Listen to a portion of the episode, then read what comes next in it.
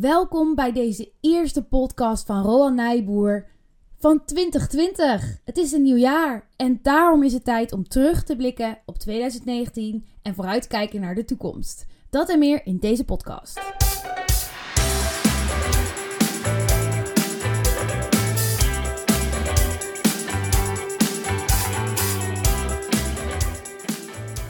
Ja, welkom bij deze eerste podcast van 2020. Joppa, Wij willen jullie nog een heel gelukkig nieuwjaar wensen.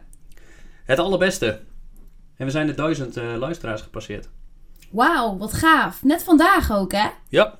Een mooie start van 2020 en wij gunnen jullie net zo'n stap. En een heel goed rendement.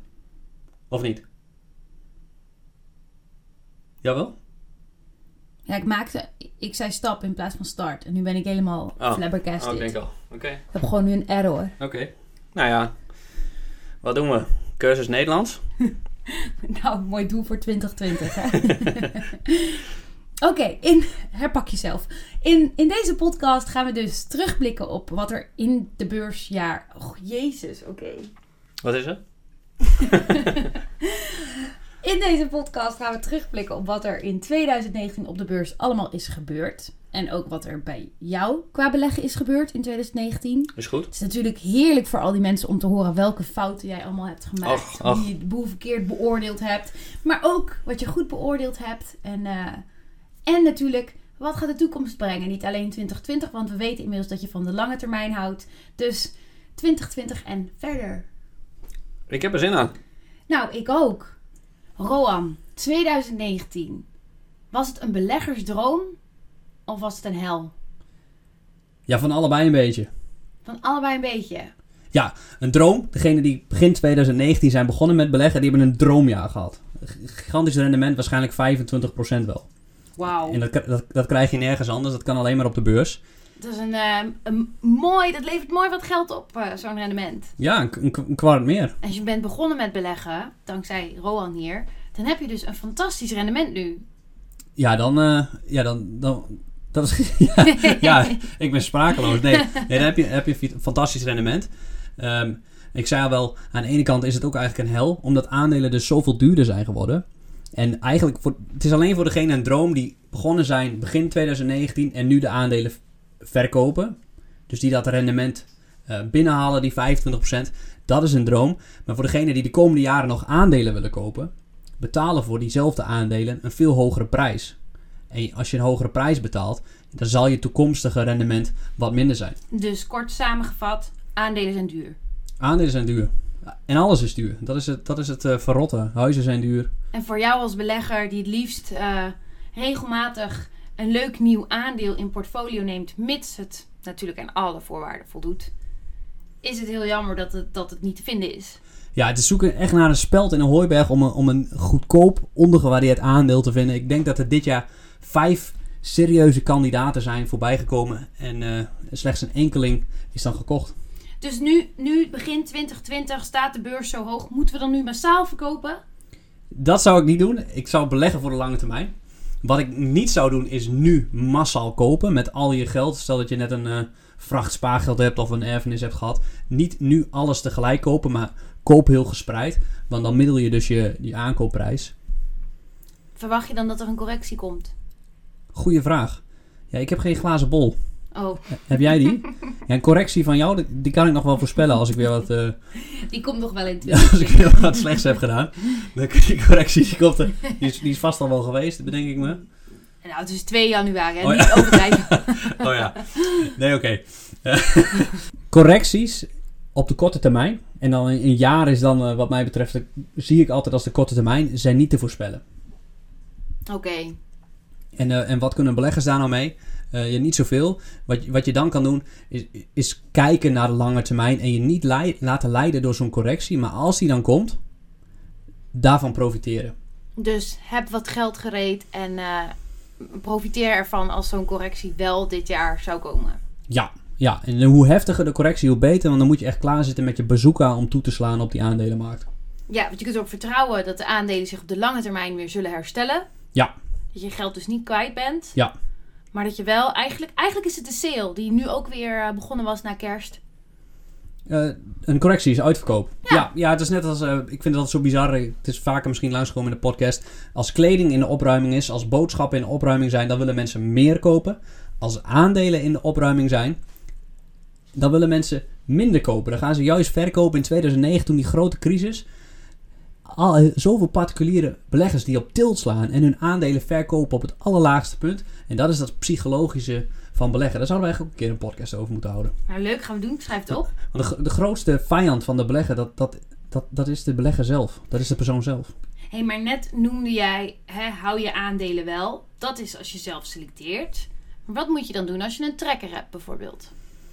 Ja, dat ligt eraan of je de komende jaren nog geld in aandelen kan stoppen. Als dat zo is, dan zou ik gespreid opbouwen. Dus dan zou je bij kunnen kopen. Eh, ik heb zelf nu een eh cashpositie van ongeveer 20%. En dat is, zit je dan te wachten op de correctie? Ja, wel een beetje, ja. ja. En het is zo... Kijk, aandelen gaan op de lange termijn omhoog. En ik zei al, een correctie kan je niet voorspellen wanneer die komt. Dat die een keer komt is wel zeker. Wanneer is lastig. En daarom wil je altijd eigenlijk voor een zo groot mogelijk deel belegd zijn. En vandaar 80%, dat is het merendeel dat je belegd bent. Maar nu zijn aandelen ook wel zo hoog gewaardeerd. Als je kijkt naar verschillende waarderingsmaatstaven. Dat, dat wat cash zeker niet eh, onverstandig is, denk ik. Hmm. Dus je, eigenlijk hou je je afzijdig en begin je over een glazen bol. En ergens zit je op 20% van je geld in afwachting van een correctie. Ja, goede vraag. Want als er zo'n correctie komt. En eigenlijk is er elk jaar wel een correctie waarin aandelen gemiddeld met 10% dalen. En vaak ook, nou niet altijd, maar wel een paar keer dat een aandeel in korte termijn met 10% dalen. En dan wil ik die 20% aan het werk zetten. Hmm. Dus om dan van een correctie te profiteren. Heb je dan nu ook al je aandelen op het oog? Ja, ik heb een heel eh, favoriete lijstje klaar liggen en een paar serieuze kandidaten, ja. Oké, oké. Nou, dan waarschijnlijk meer in de komende podcast. Voor nu even naar 2019 als beleggingsjaar. Zijn er nog leuke dingen gebeurd? Ja, wat ik wel eh, bizar vond is dat de, eh, alleen al dat de AX met 28% gestegen is.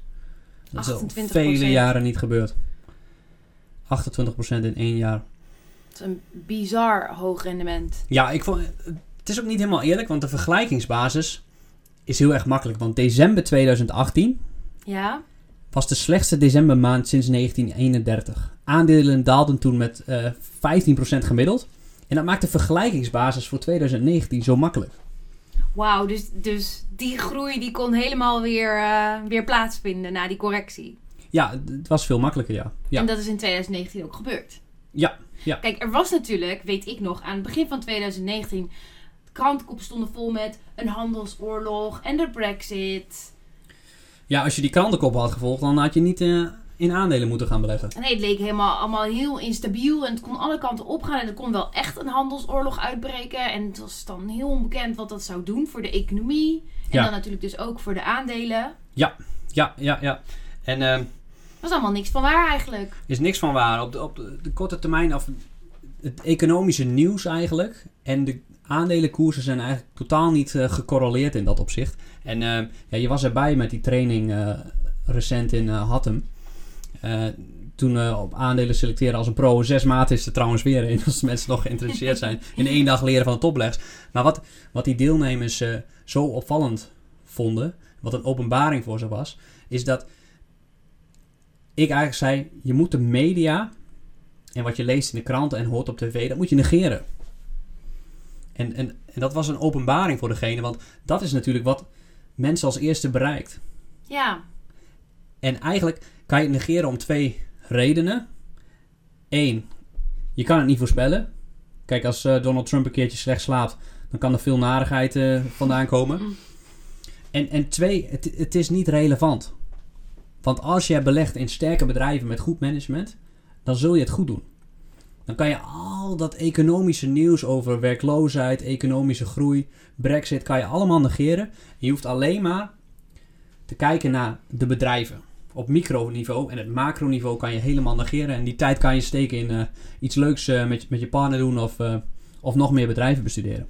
want een sterke bedrijf wordt minimaal beïnvloed door zulke externe omstandigheden. Ja, op, op korte termijn misschien wel iets. Als de economie wat afkoelt. Maar op lange termijn komen die sterke bedrijven daar veel sterker uit. Oké. En ehm, als we nou naar 2019 kijken. Wat zijn dan enkele bijzondere highlights die jij eh, met ons wilt delen? Ja, wat ik wel... eh, een het grootste bedrijf ter wereld is naar de beurs gegaan. Saudi Aramco. Ja, dat, dat weet je dat goed. Heb je geoefend met die uitspraak? nou, Ik weet niet eens of het goed is hoor. Maar eh, nee, inderdaad. Voor, voor ongeveer een kleine 2000 miljard is dat bedrijf nu waard. En ter vergelijking, Apple, Microsoft, de grootste van de westerse wereld, 1200 miljard dollar. En Saudi Aramco, een kleine 2000 miljard dollar. Dus een maatje groter. wauw, wauw. En is dat dan ook een goede belegging? Eh, ja, dat, eh, het is net pas naar de beurs gegaan. Dus eh, tot nu toe is het een goede belegging. Op de lange termijn weet ik het niet. Het is, het is heel lastig, even los van de gewetensbezwaren die je misschien moet hebben in het Midden-Oosten. Misschien is het niet de juiste podcast hiervoor. Maar eh, ja, het, het land is qua politiek klimaat niet altijd veilig. Dus daarom blijf ik bij zulke landen weg. Ik beleg eigenlijk alleen in de, in, in de echt ontwikkelde landen in dat opzicht. Oké. En ehm, dus de grootste beursgang ooit heeft plaatsgevonden. Maar er waren nog meer eh, spraakmakende beursgangen, of niet? Ja, of bijna beursgangen. WeWork bijvoorbeeld. Die zouden voor eh 50 miljard naar de beurs gaan. In januari werden ze gewaardeerd op 50 miljard. En dan zouden ze in het najaar in 2019 naar de beurs gaan. Maar ze kregen die aandelen nog niet verkocht voor 10 miljard. En dat, ja, dat- dat, is wat mij zo fascineert aan de beurs. Dat die waarderingen, of die prijzen in ieder geval, zo kunnen fluctueren. Dat een bedrijf zes maanden eerder 50 miljard waard is. En zes maanden later nog, nog een fractie daarvan. Dat klinkt super subjectief. Eh, ja, ja. Ja, en die 50 miljard is gewoon echt, is echt lucht. Echt gebakken lucht. Die waardering is er gewoon niet. Het is, niet, het is een bedrijf dat verlies maakt. Het moest nota bene recent is het gered door zo'n groot aandeelhouder door een kapitaalinjectie. Wauw, en toch is er geprobeerd om het voor 50 miljard op de beurs te verkopen. Ja, ja. Het stemt me eigenlijk wel gelukkig dat beleggers hier blijkbaar doorheen prikken. Ja, ja ook beleggers eh, leren wat dat betreft. Maar dit was ook wel zoveel eh, dingen waarvan ik dacht toen ik dat las. Jemig, wat, wat een raar verhaal. Bijvoorbeeld ehm, die, die oprichter, Neumann. ehm, hij is ook... eh, Klinkt als een Duits bedrijf. ja, het- ja, Adam heet hij. Adam, zou je wel eens kunnen zeggen. Ik, ik- volgens mij is het gewoon... Ik weet niet waar hij eh, oorspronkelijk vandaan komt. Maar het is een Amerikaans bedrijf. Eh, ze, ze verhuren kantoorplekken. En ze wilden de... Hun visie was de wereld eh, verbinden. Allemaal van die hele mooie visies. En eh, het was werelds beste verkoper. Eigenlijk de, nieuwe Wolf of Wall Street wat mij betreft. Ehm, hij heeft de hele wereld uitgelegd... Ja, koop onze aandelen. Maar wat deed hij zelf? Eh, eind eh, 2017 heeft hij nog zelf voor 700 miljoen dollar eigen aandelen verkocht. En dat is iemand die een, jaar later aan de wereld verkoopt, koopt mijn aandelen. Terwijl die zelf als oprichter eh, loopt te cashen. Op grote schaal. En, en er zijn nog wel een paar schandalen. Ze hebben bijvoorbeeld als visie om geen vastgoed te kopen, geen kantoren te kopen, maar alleen te huren. Maar hij ging privé met zijn geld kantoren kopen en dan verhuren aan zijn eigen bedrijf. Oh, oh ja, hij verdient gewoon twee keer aan zijn eigen bedrijf eigenlijk. Ja, ja, ja, ja, ja. Als we het dan over integer management hebben, dan kan er een dikke rode streep doorheen. Ja. Een dikke, vette, grote rode vlag. Het En- stemt mij positief dat beleggers dat zien. Ja, ja dat, dat doet mij goed dat zoiets niet doorgaat. En eh, in begin jaren 2000 ging het wel gewoon door met World Online. Voor de oudere luisteraars onder ons die daar eh, nat zijn gegaan met Nina Brink. Die eh, beursgang, die, die beursgang ging door, maar een paar maanden later waren de beleggers bijna al hun geld kwijt. Wow. Dus ze leren wel, dus toch. Eh, ja, ja. Mondjesmaat af en toe. En, eh, maar maar het is ook een soort van bubbel. Want de, de platformbedrijven, dit was ook een platform. Dat was een enorme hype afgelopen jaar. En ehm, vandaar ook dat Uber eh, ook, ook dit jaar wel naar de beurs is gegaan. Dit is wel doorgegaan. Zeer onsuccesvol. Volgens mij zijn ze nu 50% lager dan waarvoor ze naar de beurs gingen. Ook een hele veelbesproken CEO en oprichter trouwens. Ik denk dat voor ondernemers, voor die start-ups willen, die moeten echt die biografie over eh, lezen. De baas van Uber. Hij is inmiddels ontslagen. Eigenlijk van zijn eigen bedrijf. Oké. Net als eh, die Neumann. Allebei ontslagen van het bedrijf dat ze hebben opgericht. Omdat ze zulke misstanden hebben gepleegd. Ja, jij bent altijd wel fan van oprichters nog in het bedrijf. Ja, Maar je moet er dus toch voorzichtig mee zijn. je moet er heel voorzichtig mee zijn. Ik, ik, ik, ik lees ook altijd voordat ik beleg in een bedrijf. En als er een boek ook geschreven is over die oprichter, ga dat boek lezen. Want dat zegt zoveel over de integriteit. En als je dat boek over Kalanick, die heb ik gelezen, ja, dat had je het wel een beetje kunnen voorspellen dat het misschien geen succes zou worden. Want, kun je een tipje van de sluier oplichten? Oh, eh, ja. eh, bijvoorbeeld eh, iets, iets grappigs wat er in het boek stond. Het bedrijfsfeest. Dan wordt Beyoncé ingehuurd voor 6 miljoen dollar om even te komen zingen. Oh ja, nee, dat, dat vind jij als aandeelhouder. Nou ja, je hebt geen, daar geen aandelen, maar dat is natuurlijk niet oké. Nee, ik snap best dat dat als personeel leuk is. ja, Beyoncé die komt even ook, langs ja. op het personeelsfeest. Maar er wordt 6 miljoen betaald en eh, er wordt alleen maar heel veel kook gesnoven. En ze, wo- ze wordt betaald. Ja, niet door Beyoncé trouwens hoor. Dit kook stond ook in het boek. Ja, ja, ja, ja. ja, ja. En ehm, in Las Vegas was het. En eh, in, er is in aandelen. Beyoncé wordt in aandelen betaald. Dus niet, in- niet met cash. Maar Beyoncé krijgt dan een aandeel in het bedrijf. En dat- ja, ik vind niet dat, dat je daar zo mee om moet gaan. De aandelen in je eigen bedrijf, die moet je als goud behandelen. En die mag je niet zomaar weggeven. En bovendien vind ik het veel te extravert. En wat ze nog meer doen is heel erg de autoriteiten. Want het is een taxibedrijf in al die steden.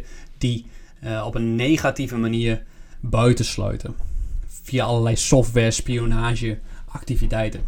Hou ik niet van. Ik vind, ik vind dat je eerlijk moet ondernemen en je mag best lef hebben en de regels eh, opzoeken. Of de- Ja. de, kanten daarvan, maar eh houd het wel eerlijk. Ja, dus eh, op Integer is het echt een dikke... Ja, ja, ja, ja, dat is een dikke, dikke min. Dus ook als we deze man, beste Neumann, in de toekomst tegenkomen... Ja, ik zal nooit, als die aandeelhouder wordt van een ander bedrijf oprichten, dan zal ik daar nooit in beleggen. En ik weet dat er nog een ander auto-gerelateerd ding was Oh. in 2019. Volgens mij was er een kleine fitty. Een Fitty, ja. Tesla bedoel je. Ja, Elon Musk, de, de oprichter, fenomeen, ook, eh, ook, ook raad ik iedereen aan om een boek daarover te lezen. En eh, een, een, een shorter, een hele bekende eh, hedge fund manager, echt iemand die ik heel erg hoog heb zitten, een David Einhorn van Greenlight Capital, die was short aandelen Esla, eh, Tesla al heel lang. En hij heeft eigenlijk recent de handdoek in de ring gegooid. Dus hij vertrouwt het niet meer dat die aandelen dus gaan dalen. Want als je short op aandelen gaat, dan hoop je dat aandelen dalen. Ja, dus hij zei eigenlijk: Ik verwacht dat het niet zo goed zal gaan met Tesla in de toekomst. Exact. Dat is niet uitgekomen tot zover. Ja. En eigenlijk zegt hij nu: Oké, ik, eh, jullie hebben gelijk. Elon Musk heeft gelijk. Eh, ja, ja, ja, ja. En eh, Ja, Elon klopt. Musk is natuurlijk ook een hele uitgesproken, ja, een heel uitgesproken persoon. Hè? Je ziet regelmatig dat hij dan in het nieuws is, omdat hij weer allerlei wilde dingen heeft getwitterd of weet ik veel wat. Een jointje gerookt in de studio. Prachtig. ja, ik vind het wel fenomenaal. Want eh, de meeste autoproducenten besteden miljarden aan reclame en advertenties. Tesla doet niks. Ze hebben één persoon op het hoofdkantoor die alle reclame doet. Is dat Elon Musk zelf? Dat is Elon Musk. Ja. en hoe hij dit ook weer aan, aanvliegt. ehm, want die Fitty speelt zich dan af op Twitter. En hij heeft eh, shorts gaan, dat heb ik net gezegd. Elon Musk heeft David Einhorn zeg maar een paar shorts gestuurd als, eh, als compensatie. zeg maar onderbroeken in dit geval. Dus hij heeft er even een mooie soort eh woordspeling en grap Ja, van gemaakt. Ja, ja, ja. Ja. wat een figuur die man. Nou, dat is wel het gevecht van het jaar, vond ik. Leuk. Ik vind ook altijd dat het leuk is dat hij daar zo eh, creatief mee, eh, mee omgaat. Je kunt er van alles van vinden, maar eh, Ja, briljante man. het is integerder in in elk geval dan Neumann zich tot, tot zover heeft laten zien. Ja, alhoewel je op Elon Musk ook wel het een en ander kan aanmerken qua integriteit. Maar hij heeft in ieder geval een fantastisch bedrijf gebouwd. En fantastische producten. En wat je net nog benoemde waren hypes. Oh ja, Dat vond ik nog wel even leuk, want volgens mij is er wel vaker in de beleggingswereld sprake van een hype. er is altijd wel een hype ergens in, Barbara. Wa- wat is de huidige hype? Ik zou zeggen, maar misschien ook recent, eh recent alweer ten einde, de, de vega-bubbel. Vegetarische bubbel. Oké, dat was in 2019 eh, de hype. Ja, ja en ook eh, Beyond Meat, die, de, de grootste vegetarische aanbieder. In Nederland heb je de vegetarische slager bijvoorbeeld. Gekocht door Unilever, by the way. Eh, die gingen in mei voor eh, 25 dollar naar de beurs. En stegen toen eigenlijk in, in drie maand, in drie maand door naar 240. Wauw. Dus eigenlijk keer 10 in drie maanden. Wauw. Dus als je met die beursgang had ingeschreven, had je het goed gedaan. De meeste beursgangen doen het niet zo goed op het begin. Een gigantisch rendement. En alleen nu nog maar op 75. Nog steeds eh, keer 3. Die beursgang, maar wel alweer eh, flink gedaald ten opzichte van Dat hoogte. ja, dus je zou aan zo'n aan zo'n zo'n koersvorming in minder dan 12 maanden, dat is toch, heeft heel veel bubbel eh, karakteristieken. Dat iets zo hard stijgt en ook weer eigenlijk zo hard daalt. Dat kan alleen maar omdat er dan zoveel geld die sector instroomt. Omdat mensen denken, vegetarisch, dat wordt het nieuwe. Ja, Maar vaak bij bubbels is het zo. En ik, ik denk dat we het allebei eens zijn dat de vegetarische markt als geheel vegetarische producten, dat, dat dat gigantisch gaat groeien. En het nadeel hiervan is, is dat het heel lastig is. Of nee, er zijn zo weinig toetredingsdrempels. ja, Unilever kan ook vegetarische producten uitbrengen. Ahold kan ook vegetarisch. Iedereen kan daarmee beginnen. Dus dat betekent dat niet alle groei bij één partij zoals Beyond Meat terechtkomt. precies. Veel concurrentie dus. Het competitief voordeel staat niet als een kasteel. Lekker, klasse. Hoppakee. Ehm, nou, volgens mij hebben we nu heel veel van 2019 eh, hoogtepunten gepakt. Hoe was eh, 2019 voor jou Hoe bedoel je? als beursjaar? Als beursjaar qua rendement? Ja? Eh 30,2 procent. Dan heb je toch de AX eh, met z'n 28% verslagen. Ja, ja, Dat is, eh, altijd net je gelukt. doel, weet ik. Dat Ja. is in ieder geval eh, wat je wilt. Ja, als belegger wil ik altijd de index verslaan, want anders kun je beter een eh, indexfonds kopen. Kost je ook nog minder tijd. Ja, ja. ja, het is wel vervelend, want ik vind het wel heel leuk om onderzoek te doen naar bedrijven. Maar het zal wel echt vervelend zijn als ik in de toekomst achterkom dat ik die index niet versla op de lange termijn. Dat Ja. zou ik wel echt vervelend vinden, want wat moet ik dan met mijn tijd doen? Ja, weet niet, een eh, nieuwe hobby zoeken. Dan zit jij ook een keer aan me vast, dat wil je toch ook niet? Nou, waar ik nou ook nog even benieuwd naar ben is... Wat was nou je beste aankoop in 2019 en wat was je slechtste aankoop? Oh, oké. Nou, beste aankopen, ja, dat gaat eigenlijk tussen Facebook en AirCap. Facebook eh, hebben we eerder besproken in de podcast. AirCap, eh, Ja, die heb je precies op dat, ook op die dip gekocht, of niet? Van Facebook, 2018, ja, dat ja. we zeiden. Dus die heeft die hele lekkere rendementstijging Ja. even lekker meegedaan. Ja, ja 50% eh, tot nu. En AirCap ook, eh, ook rond de 50%. En qua, qua euro's is met AirCap het meest verdiend. Ik, ik ken het bedrijf al jaren. Ik heb er eerder in belegd. Maar in 2018 was die aardig opgelopen. Toen had ik ze halverwege verkocht. En toen heb ik ze in december. Omdat toen alles dus zo hard onderuit ging. En ik ken het bedrijf dus door en door. Het is een heel stabiel bedrijf. Ja, en je blijft ze ook altijd volgen, hè, tussendoor. Ja, en dat is het voordeel. Dan kon ik gewoon gelijk zonder... Dus die prijs, die beurskoers donderde zo onderuit. En ik ken het bedrijf. En er is echt niks aan de hand bij dat bedrijf. En toen eh, heb ik me daarmee volgeladen. Heb je je slag geslagen. En zie dit dus vooral niet als beleggingsadvies. Want eh, Nee. de grootste koersstijging is misschien nu al wel geweest. Ja, precies. Je betaalt nu veel meer. En eh, je moet sowieso niet dit als beleggingsadvies opvatten. Dit is allemaal pure educatie. Oké, en, en entertainment. En entertainment. En dan nu de, nou ja, misschien wel de leukste. De fout. De fout. Ja. Is er een fout? Jazeker. Oh, Ja, ik heb sowieso eh, veel fouten. Maak ik elk jaar weer. Eh, sowieso gaan drie van de tien aandelen gaan eigenlijk vaak niet zoals ik had verwacht.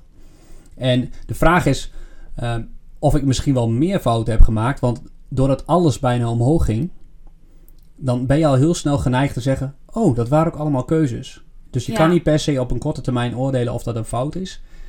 Ehm, ja, met één aandeel zit ik wel een beetje in mijn maag. Ehm, Capri Holdings bijvoorbeeld. Dat is wel ja? tot nu toe, eh, tot, nu- tot nu toe een fout geweest. Eh, het bedrijf, eh, de holding, Capri Holding, is eigenaar van de drie merken. Michael Kors, Jimmy Choo. Die hakschoentjes, die ken je wel hè? Die mag je wel kopen hoor. Die ja, nou laat ik het derde merk dan maar niet bespreken die ze ook hebben. Versace. Eh, eh, ze zijn ooit begonnen met Michael Kors en hebben later eh, Jimmy Choo en Versace erbij gekocht. Dus nu is het een soort van eh, concern met drie grote merken. En die beurskoers is eigenlijk gehalveerd. Eh, eind 2018, begin 2019. Want ze hadden eigenlijk wat domme dingen gedaan. Namelijk, Michael Kors had Versace gekocht. Ze hebben daar veel te veel voor betaald. 3 miljard hebben ze daar ongeveer voor betaald. En ja, overnames. Ik heb het jou al vaak genoeg verteld. Die vernietigen vaak waarde. Aandeelhouders de- houden daar niet van. Er is veel te veel voor betaald. En daardoor is die beurskoers zo hard gedaald. Beleggers eh, houden niet meer van dat management. Alleen ik vond die daling van 50% veel meer eh, dan de waarde eh, die vernietigd was door die overname. Ja, Dus, dus de straf was eh, te hoog. Ja. Hard. Ja. de traf, althans dat dacht ik. Uh, tot nu toe eh, heb ik nog zeker geen heb ik ongelijk. En de beurskoers staat ook nog heel iets lager dan waarvoor ik ze heb gekocht. Aan de andere kant kun je zeggen, ja, dat is de lange termijn strategie wat ze daar doen.